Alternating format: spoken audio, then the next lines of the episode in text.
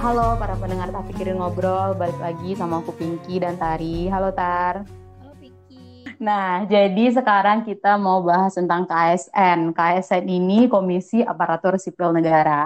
Nah, kenapa nih kita mau bahas ini? Karena ada uh, jadi terkait dengan revisi Undang-Undang Nomor 5 Tahun 2014 tentang ASN. Uh, Komisi 2 DPR itu mengusulkan untuk uh, memindahkan fungsi dan wewenang dari KSN kepada Kemenpan RB. Nah, jadi ini sangat penting sekali untuk dibahas ya, karena kita karena tari skripsinya ini, jadi jadi pembahasan kita akan sangat-sangat terpercaya lah ya, gitu. Oke, gimana tar gimana? Oke, aku, uh, halo para pendengar semua aku memang waktu S1 ngebahas tentang KSN ini karena menurut aku ini menarik lembaganya kayak gitu. Tapi sayangnya aku tidak membahas lem, uh, secara kelembagaan penuh, tapi aku membahas secara uh, salah satu tugas wewenangnya. Aku sebenarnya kemarin itu pengen ngebahas seluruh tugas wewenangnya, tapi malas kata dosen pembimbing aku, emangnya kamu mau bikin tesis atau disertasi katanya kayak gitu kan jadi aku harus dikerucutkan lagi lebih kecil yaitu cuman ke salah satu tugasnya aja yang melibatkan KSN kayak gitu dan karena aku melibatkan karena aku membahas salah satu tugas KSN secara secara tidak langsung aku juga membahas kelembagaannya karena berhubung aku ini hukum administrasi negara uh, beda sama hukum tata negara. Jadi kalau hukum administrasi negara kan negara dalam keadaan bergerak, maksudnya aksinya ya kan secara administratifnya. Sedangkan kalau hukum tata negara, barulah di situ bisa kita membahas secara kelembagaan utuh KSN ini. Tapi uh, sedikit banyaknya tetap menyinggung nyerempet kok tentang kelembagaannya. Tetap aku harus tahu dan mencari tahu seperti itu. Oke. Okay. Uh, ya, jadi kalau misalnya kata Pinky tadi pembahasan dari aku terpercaya, hmm, aku tersanjung sedikit ya. Cuman uh, yang buat para pendengar lain tahu, ini uh, murni pendapat aku kayak gitu. Ini subjektif secara uh, secara sepengetahuan aku dan pendapat aku yang aku tuangkan kayak gitu. Jelasin itu banyak orang yang nggak tahu KSN itu apa kayak gitu. Karena KSN itu nggak sepopuler KPK nggak usah deh uh, masyarakat biasa. Mungkin mahasiswa sendiri nggak banyak yang nggak tahu KSN atau bahkan anak hukum sendiri ada loh yang nggak tahu KSN gitu. Aparatur sipil negara dia itu sama kayak Komisi Pemberantasan Korupsi, ya kan? Cuman KPK karena sering masuk TV jadinya populer, sering masuk pemberitaan makanya jadinya populer dan aksinya pun lebih uh, banyak ya maksudnya kerjanya segala macam lebih tersoroti gitu. Berarti KSN ini setara ya, se setara, sama KPK gitu ya. Setara. Jadi secara ke kelembagaan dia adalah lembaga non struktural, mandiri dan bebas dari intervensi politik Nah, itu tuh benar-benar dinyatakan secara eksplisit di Undang-Undang Nomor 5 tahun 2014. Jadi uh, yang melahirkan yang membida yang membidani lahirnya KSN ini adalah Undang-Undang Nomor 5 tahun 2014 yaitu Undang-Undang ASN yang tadi Pinky sebut. Oke. Okay. Jadi uh, uh, di sanalah ada uh, formasi KSN itu. Jadi atas dasar undang-undang itulah dibentuk suatu komisi itu tadi, Komisi Aparatur Sipil Negara. Nah, uh, jadi kalau kita lihat dari pengertiannya secara di secara di undang-undang kan jelas ya maksudnya dia non struktural mandiri bebas dari intervensi politik untuk menciptakan pegawai ASN yang profesional dan berkinerja memberikan pelayanan secara adil dan netral serta menjadi perekat pemersatu bangsa. Dan salah satu tugas utama ASN itu apa sih? Salah satu tugas utama ASN itu mewujudkan sistem merit Nah, selang juga pengawasan terhadap penerapan asas, kode etik dan kode perilaku ASN. Jadi luas ya sebenarnya KSN ini kerjanya seluruh ASN kan seluruh Indonesia. Oke. Okay. Gitu. Luas banget. Uh, dia harus memperhatikan atau harus mengawasi penerapan asas-asas yang udah diatur dalam undang-undang atau asas-asas uh, PNS atau asas-asas ASN yang udah dirubah katanya jadi ASN terus uh, mengenai kode etik dan kode perilaku ASN itu sendiri gitu. Terus mewujudkan sistem merit. Nah, sedikit nih aku singgung. Sedikit aku singgung kalau sistem merit kalau misalnya di undang-undang se kepegawaian sebelumnya uh, itu nggak begitu kentara soal sistem meritnya. Nah, okay. sedangkan di uh, jadi kalau zaman dulu tuh istilahnya pegawai ini lebih ke sistem karir. Nah, Sedangkan kalau misalnya di di Undang-Undang ASN itu memang mengedepankan sistem merit yaitu kompetensi dan prestasi berdasarkan kompetensi dan prestasi kerja gitu. Nah, jadi KSN itulah sebagai lembaga yang mengawasi mengawasi itu gitu. Udah terjadi nggak sistem merit itu? Nah, terus penerapan asas kode etik dan kode perilaku ASN. Sebenarnya luas banget ya, Ping ya. Oke. Okay. Nah, itu itu kerjaannya ASN. Eh KSN. KSN. Oh, terus secara secara kita lihat tapi banyak orang yang uh, ya banyak dia termasuk lembaga yang pro kontra juga kalau orang yang tahu banyak yang bilang nggak ada gunanya kerjanya nggak ada kayak gitu tapi uh, setelah aku lihat maksudnya lihat dengan mata kepala aku sendiri mm-hmm. ini berdasarkan ini berdasarkan uh, penilaian subjektif ya. Cuman kalau misalnya menurut aku KSN ini KSN ini sebenarnya lembaganya bagus. Uh, karena dia lembaga independen dan baru kayak gitu kan. Dan dia lahir dia setelah jauh setelah era reformasi 2014 uh, SBY ya Oh iya betul. SBY di periode kedua. Bagus kok kayak gitu. Secara sistem internal kelembagaannya bagus terus sudah kayak gitu. Uh, ya mereka lagi tahap menyusun gitu ping. Memang tidak se segercep KPK dan dananya hmm. pun tidak sebesar dana KPK yang dimiliki kayak gitu. Tapi uh, sepanjang sepanjang yang aku lihat jadi waktu aku penelitian ke sana itu aku kan penelitiannya tentang oh seleksi jabatan pimpinan tinggi tapi jadi jabatan pimpinan tinggi itu di undang-undang ASN kan ada tiga yaitu jabatan pimpinan tinggi pratama, jabatan pimpinan tinggi media, dan jabatan pimpinan tinggi utama.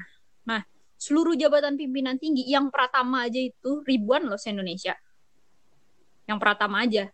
Belum lagi yang yang utama dan madi yang yang media dan utamanya.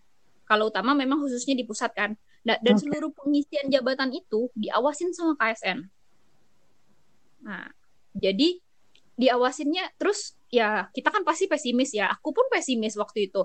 Ya ya dengan lancang juga aku nanya gimana soal jual beli jabatan yang terjadi kan udah udah udah halayak banget kan orang tahu apalagi di daerah gitu kan jabatan kepala dinas dijual belikan sama kepala daerah toh buktinya sudah banyak yang tertangkap oh kepala daerah kepala daerah yang kasus kayak gitu kan Bing iya benar ah aku aku pun pesimis nanya kayak gitu uh, dengan adanya KSN jabatan jual beli kan juga masih ada tetap bener masih ada makanya mereka terus berupaya kayak gitu karena apa terus dijawab lah kelemahan dia dengan kelam, dengan KPK adalah kalau KPK itu punya kewenangan untuk menuntut kan?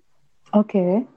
Nah, sedangkan dia nggak bisa, nggak punya kewenangan untuk menuntut. Jadi dia kalau misalnya menemukan satu kecurangan atau satu kesalahan atau fraud, nah dia itu hanya bersifatnya rekomendasi ping. Okay. Nah rekomendasi itu dia disampaikan ke presiden. Oh berarti ke presiden langsung ya? Nggak Benar, nggak jadi nggak ke KPK dulu gitu? Enggak, enggak. Jadi dia uh, apa namanya? Sistem uh, sistemnya itu berjenjangnya langsung ke presiden dia karena di bawah udah udah penelitian ke sana. Itu keren banget. Aku baru salut sama KSN salutnya apa? Ini kayak masyarakat perlu tahu. Jadi KSN itu bayangin dia kan cuma satu kantornya di apa di Jakarta ya? Jakarta di pusat kayak gitu. Dan dia harus ngurusin uh, jabatan seleksi jabatan pimpinan tinggi seluruh Indonesia. Kayak gitu. Nggak usah lah kita bahas. Nggak usah lah mulut gimana yang soal uh, eh, KSN ngawasin ngawasin kode etik perilaku ASN ya kan? Ya aku yakin pasti belum belum sempurna kayak gitu. Karena untuk ngurusin jabatan pimpinan tinggi seluruh Indonesia aja itu itu bener-bener susah ping kayak gitu. Dan kan salah satu tugas awal tadi aku bilang KSN ini kan ngurusin sistem merit ya maksudnya meng mengupayakan bahwa sistem merit ini berjalan dengan maksudnya efektif kayak gitu di lingkungan okay. ASN okay. dan itu dimulai dari pimpinan tinggi dong kayak gitu dari jabatan pimpinan tinggi dong kalau misalnya pemilihan jabatan pimpinan tinggi ini udah ideal udah profesional akuntabel bukan atas dasar suap-suap atau atas dasar politik aku rasa sih ke bawah ke bawahnya lebih gampang untuk ngurusnya. Oke. Okay. Nah, jadi mungkin uh, dia fokus ke uh, untuk membenahi bagaimana seleksi jabatan pimpinan tinggi seluruh Indonesia kayak gitu. Dan waktu itu aku tahun 2007 aduh aku lupa lagi catatan aku, catatan penelitian aku. Itu aku tahun 2018 ke sana dan dia ternyata udah punya namanya sistem pengisian jabatan tinggi itu disingkatnya si Japti. Namanya uh, apa namanya kayak kita ngisi ini ngisi blanko online. Oke. Okay. uh, karena uh, untuk ng un supaya nggak banyak makan biaya. Jadi proses untuk pengisian jabatan pimpinan tinggi ini nggak gampang loh uh, ping. Jadi harus harus uh, bikin tim panel namanya. Oke. Okay. panel untuk uh, tim seleksinya kayak gitu dan pelaksanaan seleksi ini banyak uh, apanya uh, tahapannya kayak gitu. Pertama dari persiapan perencanaan kayak gitu kan. Persiapan perencanaan nih misalnya pusat atau daerah. Nah, siapa nih yang pimpinan jabatan tingginya yang mau diganti kayak gitu kan. langsung, langsung koordinasi dong, koordinasi sama uh, KSN. Terus pembuatan surat rekomendasi. Nah, terus ada assessment center melalui wawancara kayak gitu. Uh, terus udah kayak assessment center nih maksudnya gini, nanti siapa nih lembaga yang nyeleksi kayak gitu kalau misalnya mau pakai pihak ketiga kayak gitu. Nah, okay. terus uh, dan sebenarnya jabatan pimpinan tinggi ini harus diumumkan secara terbuka kayak gitu. Misalnya ada jabatan yang kosong itu tuh harus diumumin secara terbuka loh. Sekian hari itu ada peraturannya.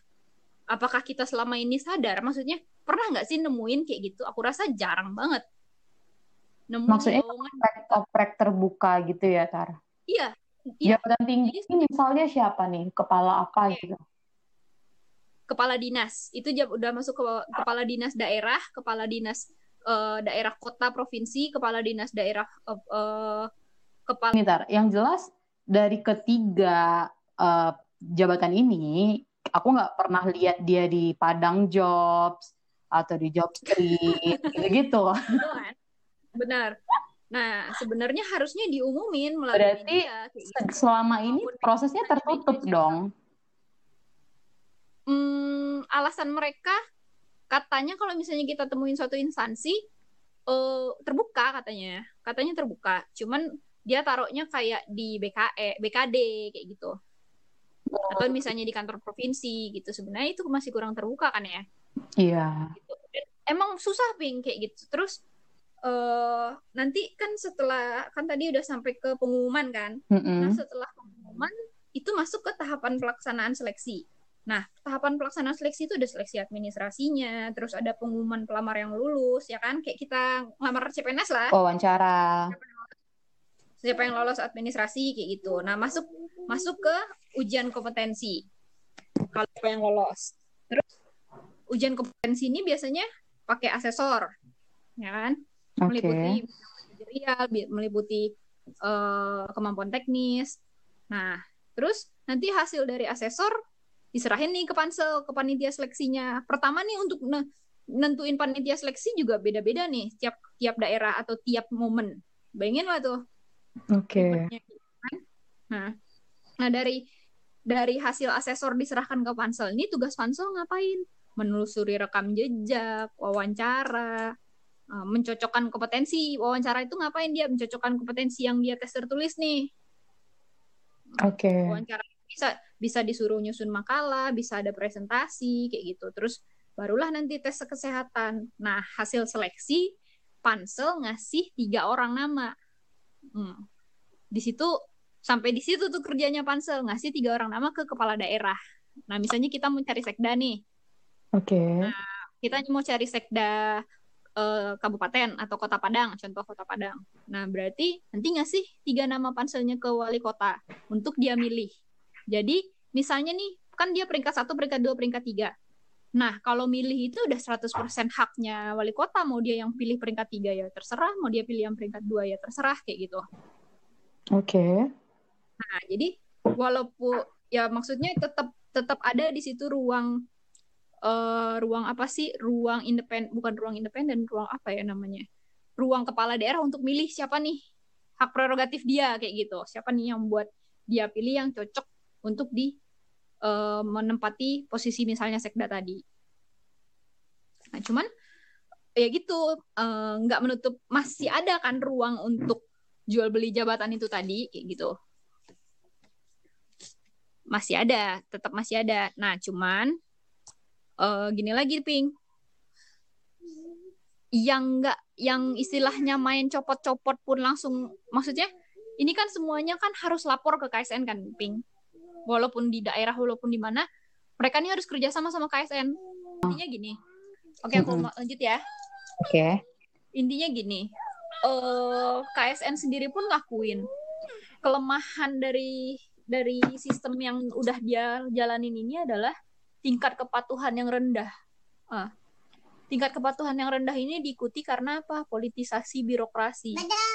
Jadi kegiatan ke- ke- kegiatan seleksi aparatur ini aparatur yang bakal ngejalanin birokrasi ini tetap dipolitisasi. Nah, itu jadi kelemahannya ping. Oke. Nah, jadi oh gimana ya? Jadinya eh apa ya? Susah susah untuk KSN untuk menerapkan sebenarnya dia udah udah udah udah bikin nih sistem yang baik kayak gitu kan pemilihan jabatan tinggi hendaknya begini begini begini tahapannya sesuai dengan peraturan perundang-undangan. Nah, cuman ya itu tadi banyak banyak oknum-oknum kepala daerah yang nakal atau pimpinan-pimpinan yang lain menjualbelikan jabatan ini untuk apa? Untuk memperkaya dirinya sendiri gitu. Dan Tapi sebenarnya, tapi sebenarnya kalau eh, kalau yang aku tangkap kan KSN ini kan sebatas administrasi gitu ya, Tar. Nah, Hmm. gimana kalau seandainya eh, orang yang titipan, orang titipan yang orang titipan atau orang yang jual beli jabatan ini memang qualified gitu. Nah, tapi eh, apa namanya? Oh, si, eh, misalnya si A nih, si A ini mau jadi kepala dinas. Nah, si A ini sebenarnya qualified gitu loh. Secara kompetensi dia qualified, tapi karena dia berambisi juga untuk jadi kepala dinas dan dia ditawari juga sama kepala daerahnya harus bayar sekian gitu kan. Nah, itu kan si ini nggak bisa ini dong, nggak bisa KSN nggak bisa mengidentifikasi dong. ya, Nah, orang ini secara administrasi udah pantas gitu, udah merit gitu loh. ya betul ya ya itu sama aja istilahnya. Kalau yang kamu ceritain itu sama juga contohnya kayak gini. Misalnya udah kepilih nih tiga nama, ya kan? Oke. Kepala daerah harus harus menentukan dari yang ketiga ini. Nah, terus diambil satu orang. Nah, satu orang ini karena segan atau gimana, ya udah dia ngasih hadiah. Udah udah jadi gratifikasi kan? Mm-mm. itu udah dianggap lumrah di Indonesia ping aku aku nggak tahu di daerah-daerah lain tapi di Sumbar itu udah lumrah siapa nanti yang diangkat hmm, nanti kayak ngasih apalah kayak gitu dan apa itu tuh bukan bukan kata lu kue bolu kue bolu Amanda enggak Oke. Eh, jadi itu udah kesannya udah kayak menjadi membudaya padahal itu budaya yang tidak baik budaya gratifikasi kayak gitu Berarti KSN ini cuma bisa mengidentifikasi sampai kompetensi doang dong.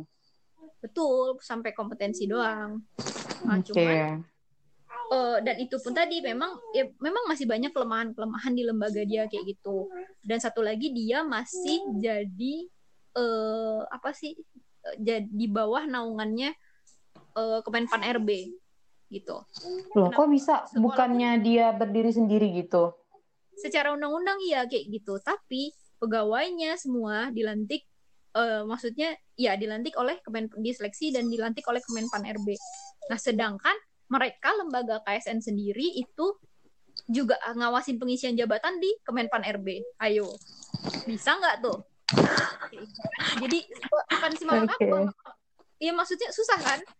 Oke. Dananya diatur oleh Kemenpan RB. Jadi emang nggak sebebas KPK kayak gitu nggak. Kalau KPK kan dia seleksi pegawainya Indonesia memanggil, emang dia sendiri itu kan tagline-nya Mm-mm. diri kayak gitu. KSN enggak. KSN itu kalau misalnya yang ikut CPNS 2000 2019 kemarin itu tahu tuh ada tuh eh, formasi-formasi KSN gitu berarti siapa yang ngisi? Kan Kemenpan RB berarti kan atas persetujuan Kemenpan RB dananya juga diatur sama Kemenpan RB tuh. Oke. jadi secara undang-undang aja katanya dia independen independen bebas dari intervensi politik gitu. Mm-mm. diteliti-teliti lagi belum masih setengah-setengah uh, gitu. Masih setengah-setengah dalam pelaksanaannya. Gitu. Terus hmm. katanya katanya KSN setelah dari dari 2015 sampai sekarang kerjanya maksudnya nggak ada gunanya kurang tepat kalau menurut aku pribadi. Kurang tepatnya gini uh, kenapa nggak LAN sama BKN dibahas dari dulu? LAN sama kamu tahu LAN kan? Lembaga. Lembaga apa sih lembaga oh iya itu yang setara sama BKN juga nggak sih? Iya betul. Yang yang Undang-Undang Nomor 5 juga kan? uh, iya tapi dia udah ada jauh dari sebelumnya di undang-undang kepegawaian sebelum-sebelumnya dia udah ada LAN sama BKN ini. Nah kenapa dia enggak di bawah Kemenpan RB kenapa enggak dia aja yang disubkan Kemenpan RB kayak gitu. Padahal kalau LAN itu kan sistemnya untuk pendidikan kan? Pendidikan CPN uh, eh, pendidikan ASN uh, kalau BKN untuk administrasi seleksi gaji kayak gitu. Oke. Okay kenapa nggak LAN sama BKN aja yang dikerucutkan? Bener-bener di bawah Kemenpan RB kalau emang niatnya untuk perampingan ya. Mm-hmm. kenapa harus KSN yang dimatikan? Dia baru sedangkan dia perlu. Kenapa kita bilang kenapa aku bilang perlu? Karena uh, ya itulah tingkat korup tingkat uh, KKN di dunia ASN ini emang besar banget kayak gitu. Dan dia baru ngurusin jabatan pimpinan tinggi aja susah apalagi ngurusin yang di bawah di bawahnya gitu. Sedangkan secara undang-undang memang dia harus melip maksudnya tugas dia tuh sampai ke bawah-bawah kayak gitu. Oke. Okay. nah kalau seandainya dia fungsinya dialihkan ke Kemenpan RB bisa nggak tuh Kemenpan RB itu me, memas me, apa namanya menjamin untuk mengawasi uh, itu jabatan itu tar. Bisa nggak sih? Dia yang kamu tanya aku kalau soalnya ini juga mau tanya kalau itu. Soalnya kan Kemenpan RB itu yang melantik. Eh maksudnya Kemenpan RB itu yang uh, memilih ASN dan dia juga yang mengawasi gitu. Bisa nggak sih kayak gitu kalau di aku sepanjang sepanjang lembaga itu lembaga eksekutif kementerian di bawah presiden susah. Oke. Okay. Uh -uh, dia dia kan kementerian, dia kan murni eksekutif nih, susah mm -hmm. jalan pengawasan. Mm -hmm. Jadi mungkin bisanya kalau kalau misalnya ini yang versi bodoh aku aja, misalnya LAN sama BKN digabungin, di disupin ke Kemenpan RB dan KSN tetap uh, berdiri sendiri kayak gitu. Mm-hmm. Malah dia harus diindependenkan gitu. Jadi dananya semua nggak diatur sama Kemenpan RB. Jadi justru, harusnya lebih diperkuat ya. Ah, harusnya diperkuat, ditata lebih ditata lagi, terus dikasih dikasih kewenangan yang lebih. Ya nggak usah mimpi ya KPK aja udah udah dikebiri. apalah cuman apalah daya KSN langsung di langsung dikat abis kayak gitu. Dan mm-hmm. kan sampai kamu baca nggak sih? Mungkin kamu juga baca baru-baru ini kayak beberapa media ngungkapin kayak gitu bahwa ini adalah kayak kayak uh, la, apa sih ini nih upaya-upaya ini nih memang maunya orang-orang yang merasa tidak diuntungkan dengan adanya KSN tidak diuntungkannya dalam apa ya jadi agak susah kan mau jual beli jabatan kayak gitu karena setelah diteliti aku baca di Tirto kalau nggak salah 160 triliun loh dana jual beli jabatan itu. Oke. Okay. Iya ya, aku juga baca tuh yang ini apa namanya um, Bupati Klaten, Bupati Klaten itu di tahun 2017 atau 18 ya. Mm-hmm. Sri Hartini. Nah, dia jual beli jabatan itu senilai 60 triliun. Dan itu untuk camat, lurah, kepala sekolah. Gila itu ya it, itu itu masih di luar wewenang KSN sebenarnya itu kan iya dan untuk bicara netralitas ini lebih lebih susah lagi ping lebih ribet lagi susahnya apa ribetnya apa kalau kita bicara netralitas nih musim pilkada ya kan? Suaminya mm -hmm. mau periode kedua istrinya PNS di dinas ini atau di sekolah ini. Udah pasti itu bininya ngau ini kampanye terselubung ya kan? Iya benar benar benar benar. Nah, aku sempet sempet nanyain itu loh ke, ke orang yang aku wawancarain. Ha-ha. Ya itu dia bilang eh itu masih semuanya masih anomali dia bilang dan memang udah pasti KSN itu jadi lembaga yang dibenci. udah pasti iya, kan. Kalau Indonesia kan kayak gitu. Kalau ada iya. yang, kalau ada yang lurus-lurus banget kan dibenci, Ping. Iya, benar-benar. Benar-benar banget. Terus juga apa namanya? Um, kalau misalnya kepala daerahnya ganti, itu orang di ininya juga ganti tuh, kepala dinas segala macamnya. Betul. Dan strukturnya pada... diganti semua tuh karena yaitu bakal ada beli, bakal ada balas budi, bakal ada balas dendam gitu kan. Karena ya gitu. Sedangkan uh, nah itu tadi kan tadi aku bilang salah satu kelemahannya yang dari versi komisioner KSN sendiri itu adalah tingkat kepatuhan yang rendah gitu. Jadi ganti nih uh, kepala daerahnya udah ganti semuanya. Padahal prosedur ketentuan ngeganti itu udah udah ada. Ketentuan untuk ganti itu harus harus lapor dulu ke ASN gitu. Iya benar, harus ada syaratnya juga kan, nggak boleh kurang dari dua tahun gitu kan, misalnya. Betul. Dan tata cara menggantinya ya seperti yang tadi aku jelasin tadi kan nggak gampang, nggak bisa lo ganti malam ini besok dia langsung ngejabat kan nggak. Iya benar. Terus juga banyak. Salah satu, salah satu kelemahan KSN ini tadi itu masih kurang koordinasi sama BKN, BK, BKD, BKN, BKD. Kalau di daerah sama BKD, dan sama inspektorat kayak gitu. Jadi waktu aku penelitian ke inspektorat, orang inspektorat malah gini loh, nggak nggak ada istilahnya kayak nota kesepahaman atau apalah kayak gitu. Nah, kalau misalnya sama BKD masih ada karena emang berhubungan banget ya karena yang ngurusin seleksi-seleksi pimpinan ini kan seleksi jabatan ini kan memang BK, BKD. Oke. Okay. antara BKD sama KSN ini masih adalah hubungannya kayak gitu. Tapi sama inspektorat sama sekali nggak ada. Sedangkan inspektorat itu pengawas internal loh di daerah. Oke. Okay. Jadi sebenarnya mungkin kalau misalnya itu karena kalau versi aku nih karena KSN ini dibenci sih. Iya benar. Emang kan inspektorat-inspektorat ini aktif gitu kan untuk melakukan pengawasan. Tapi selama ini selama kita Indonesia merdeka ini apa sih fungsinya inspektorat gitu? Yang aku lihat ini tuh udah masuk draft revisi ya Kar. Cuman tapi nggak begitu booming gitu loh ininya isunya. Ya karena orang kan juga nggak banyak yang kenal apa itu KSN. Mm -mm. Dan sekalipun kenal karena orang-orang, ya maksudnya beberapa orang yang aku tanya ini ya, sekalipun kenal, terus emang menurut dia emang nggak ada kerjanya, udah bubarin aja loh, gitu loh jawabannya. Gitu.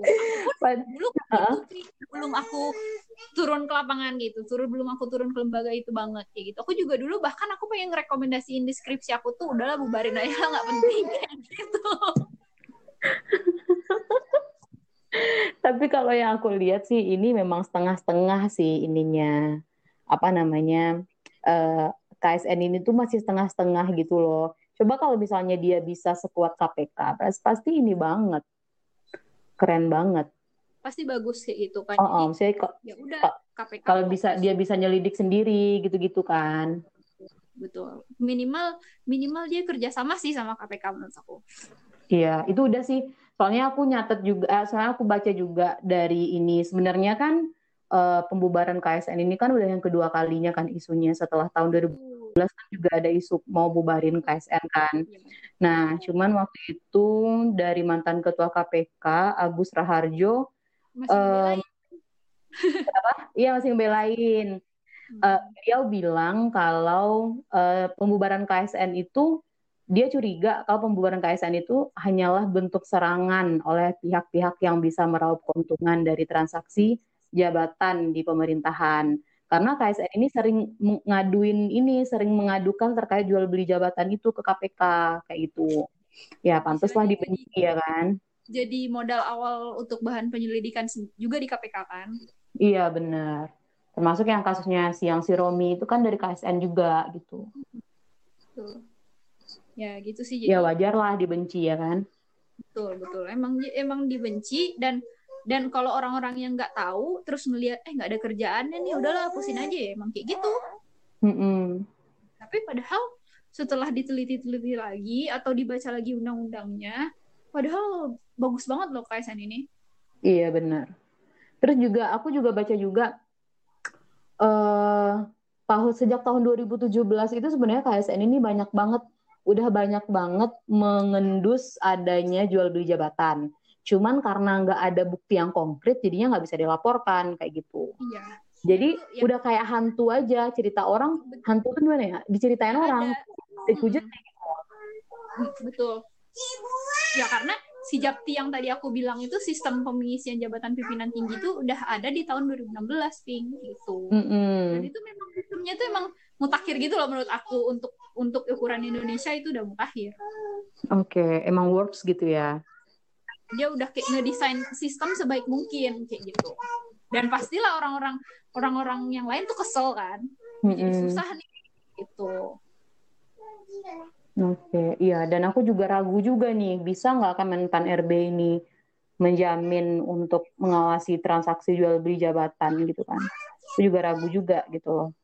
Karena menurut ini pun juga, menurut uh, itu apa namanya ketua KSN itu juga dia bilang jual, praktik jual beli jabatan itu apalagi untuk yang pimpinan ya itu banyak banget di kementerian. Nah, terutama di Kementerian Pendidikan, Kesehatan dan Agama gitu. Dan termasuk juga mungkin kementerian itu, Kemenpan Kemenpan RB-nya juga ya kan? Aduh, iya. Nah, ya itu. Jadi jadi kacau, maksudnya logikanya juga nggak nggak nggak pas gitu loh, jadinya kacau gitu kan?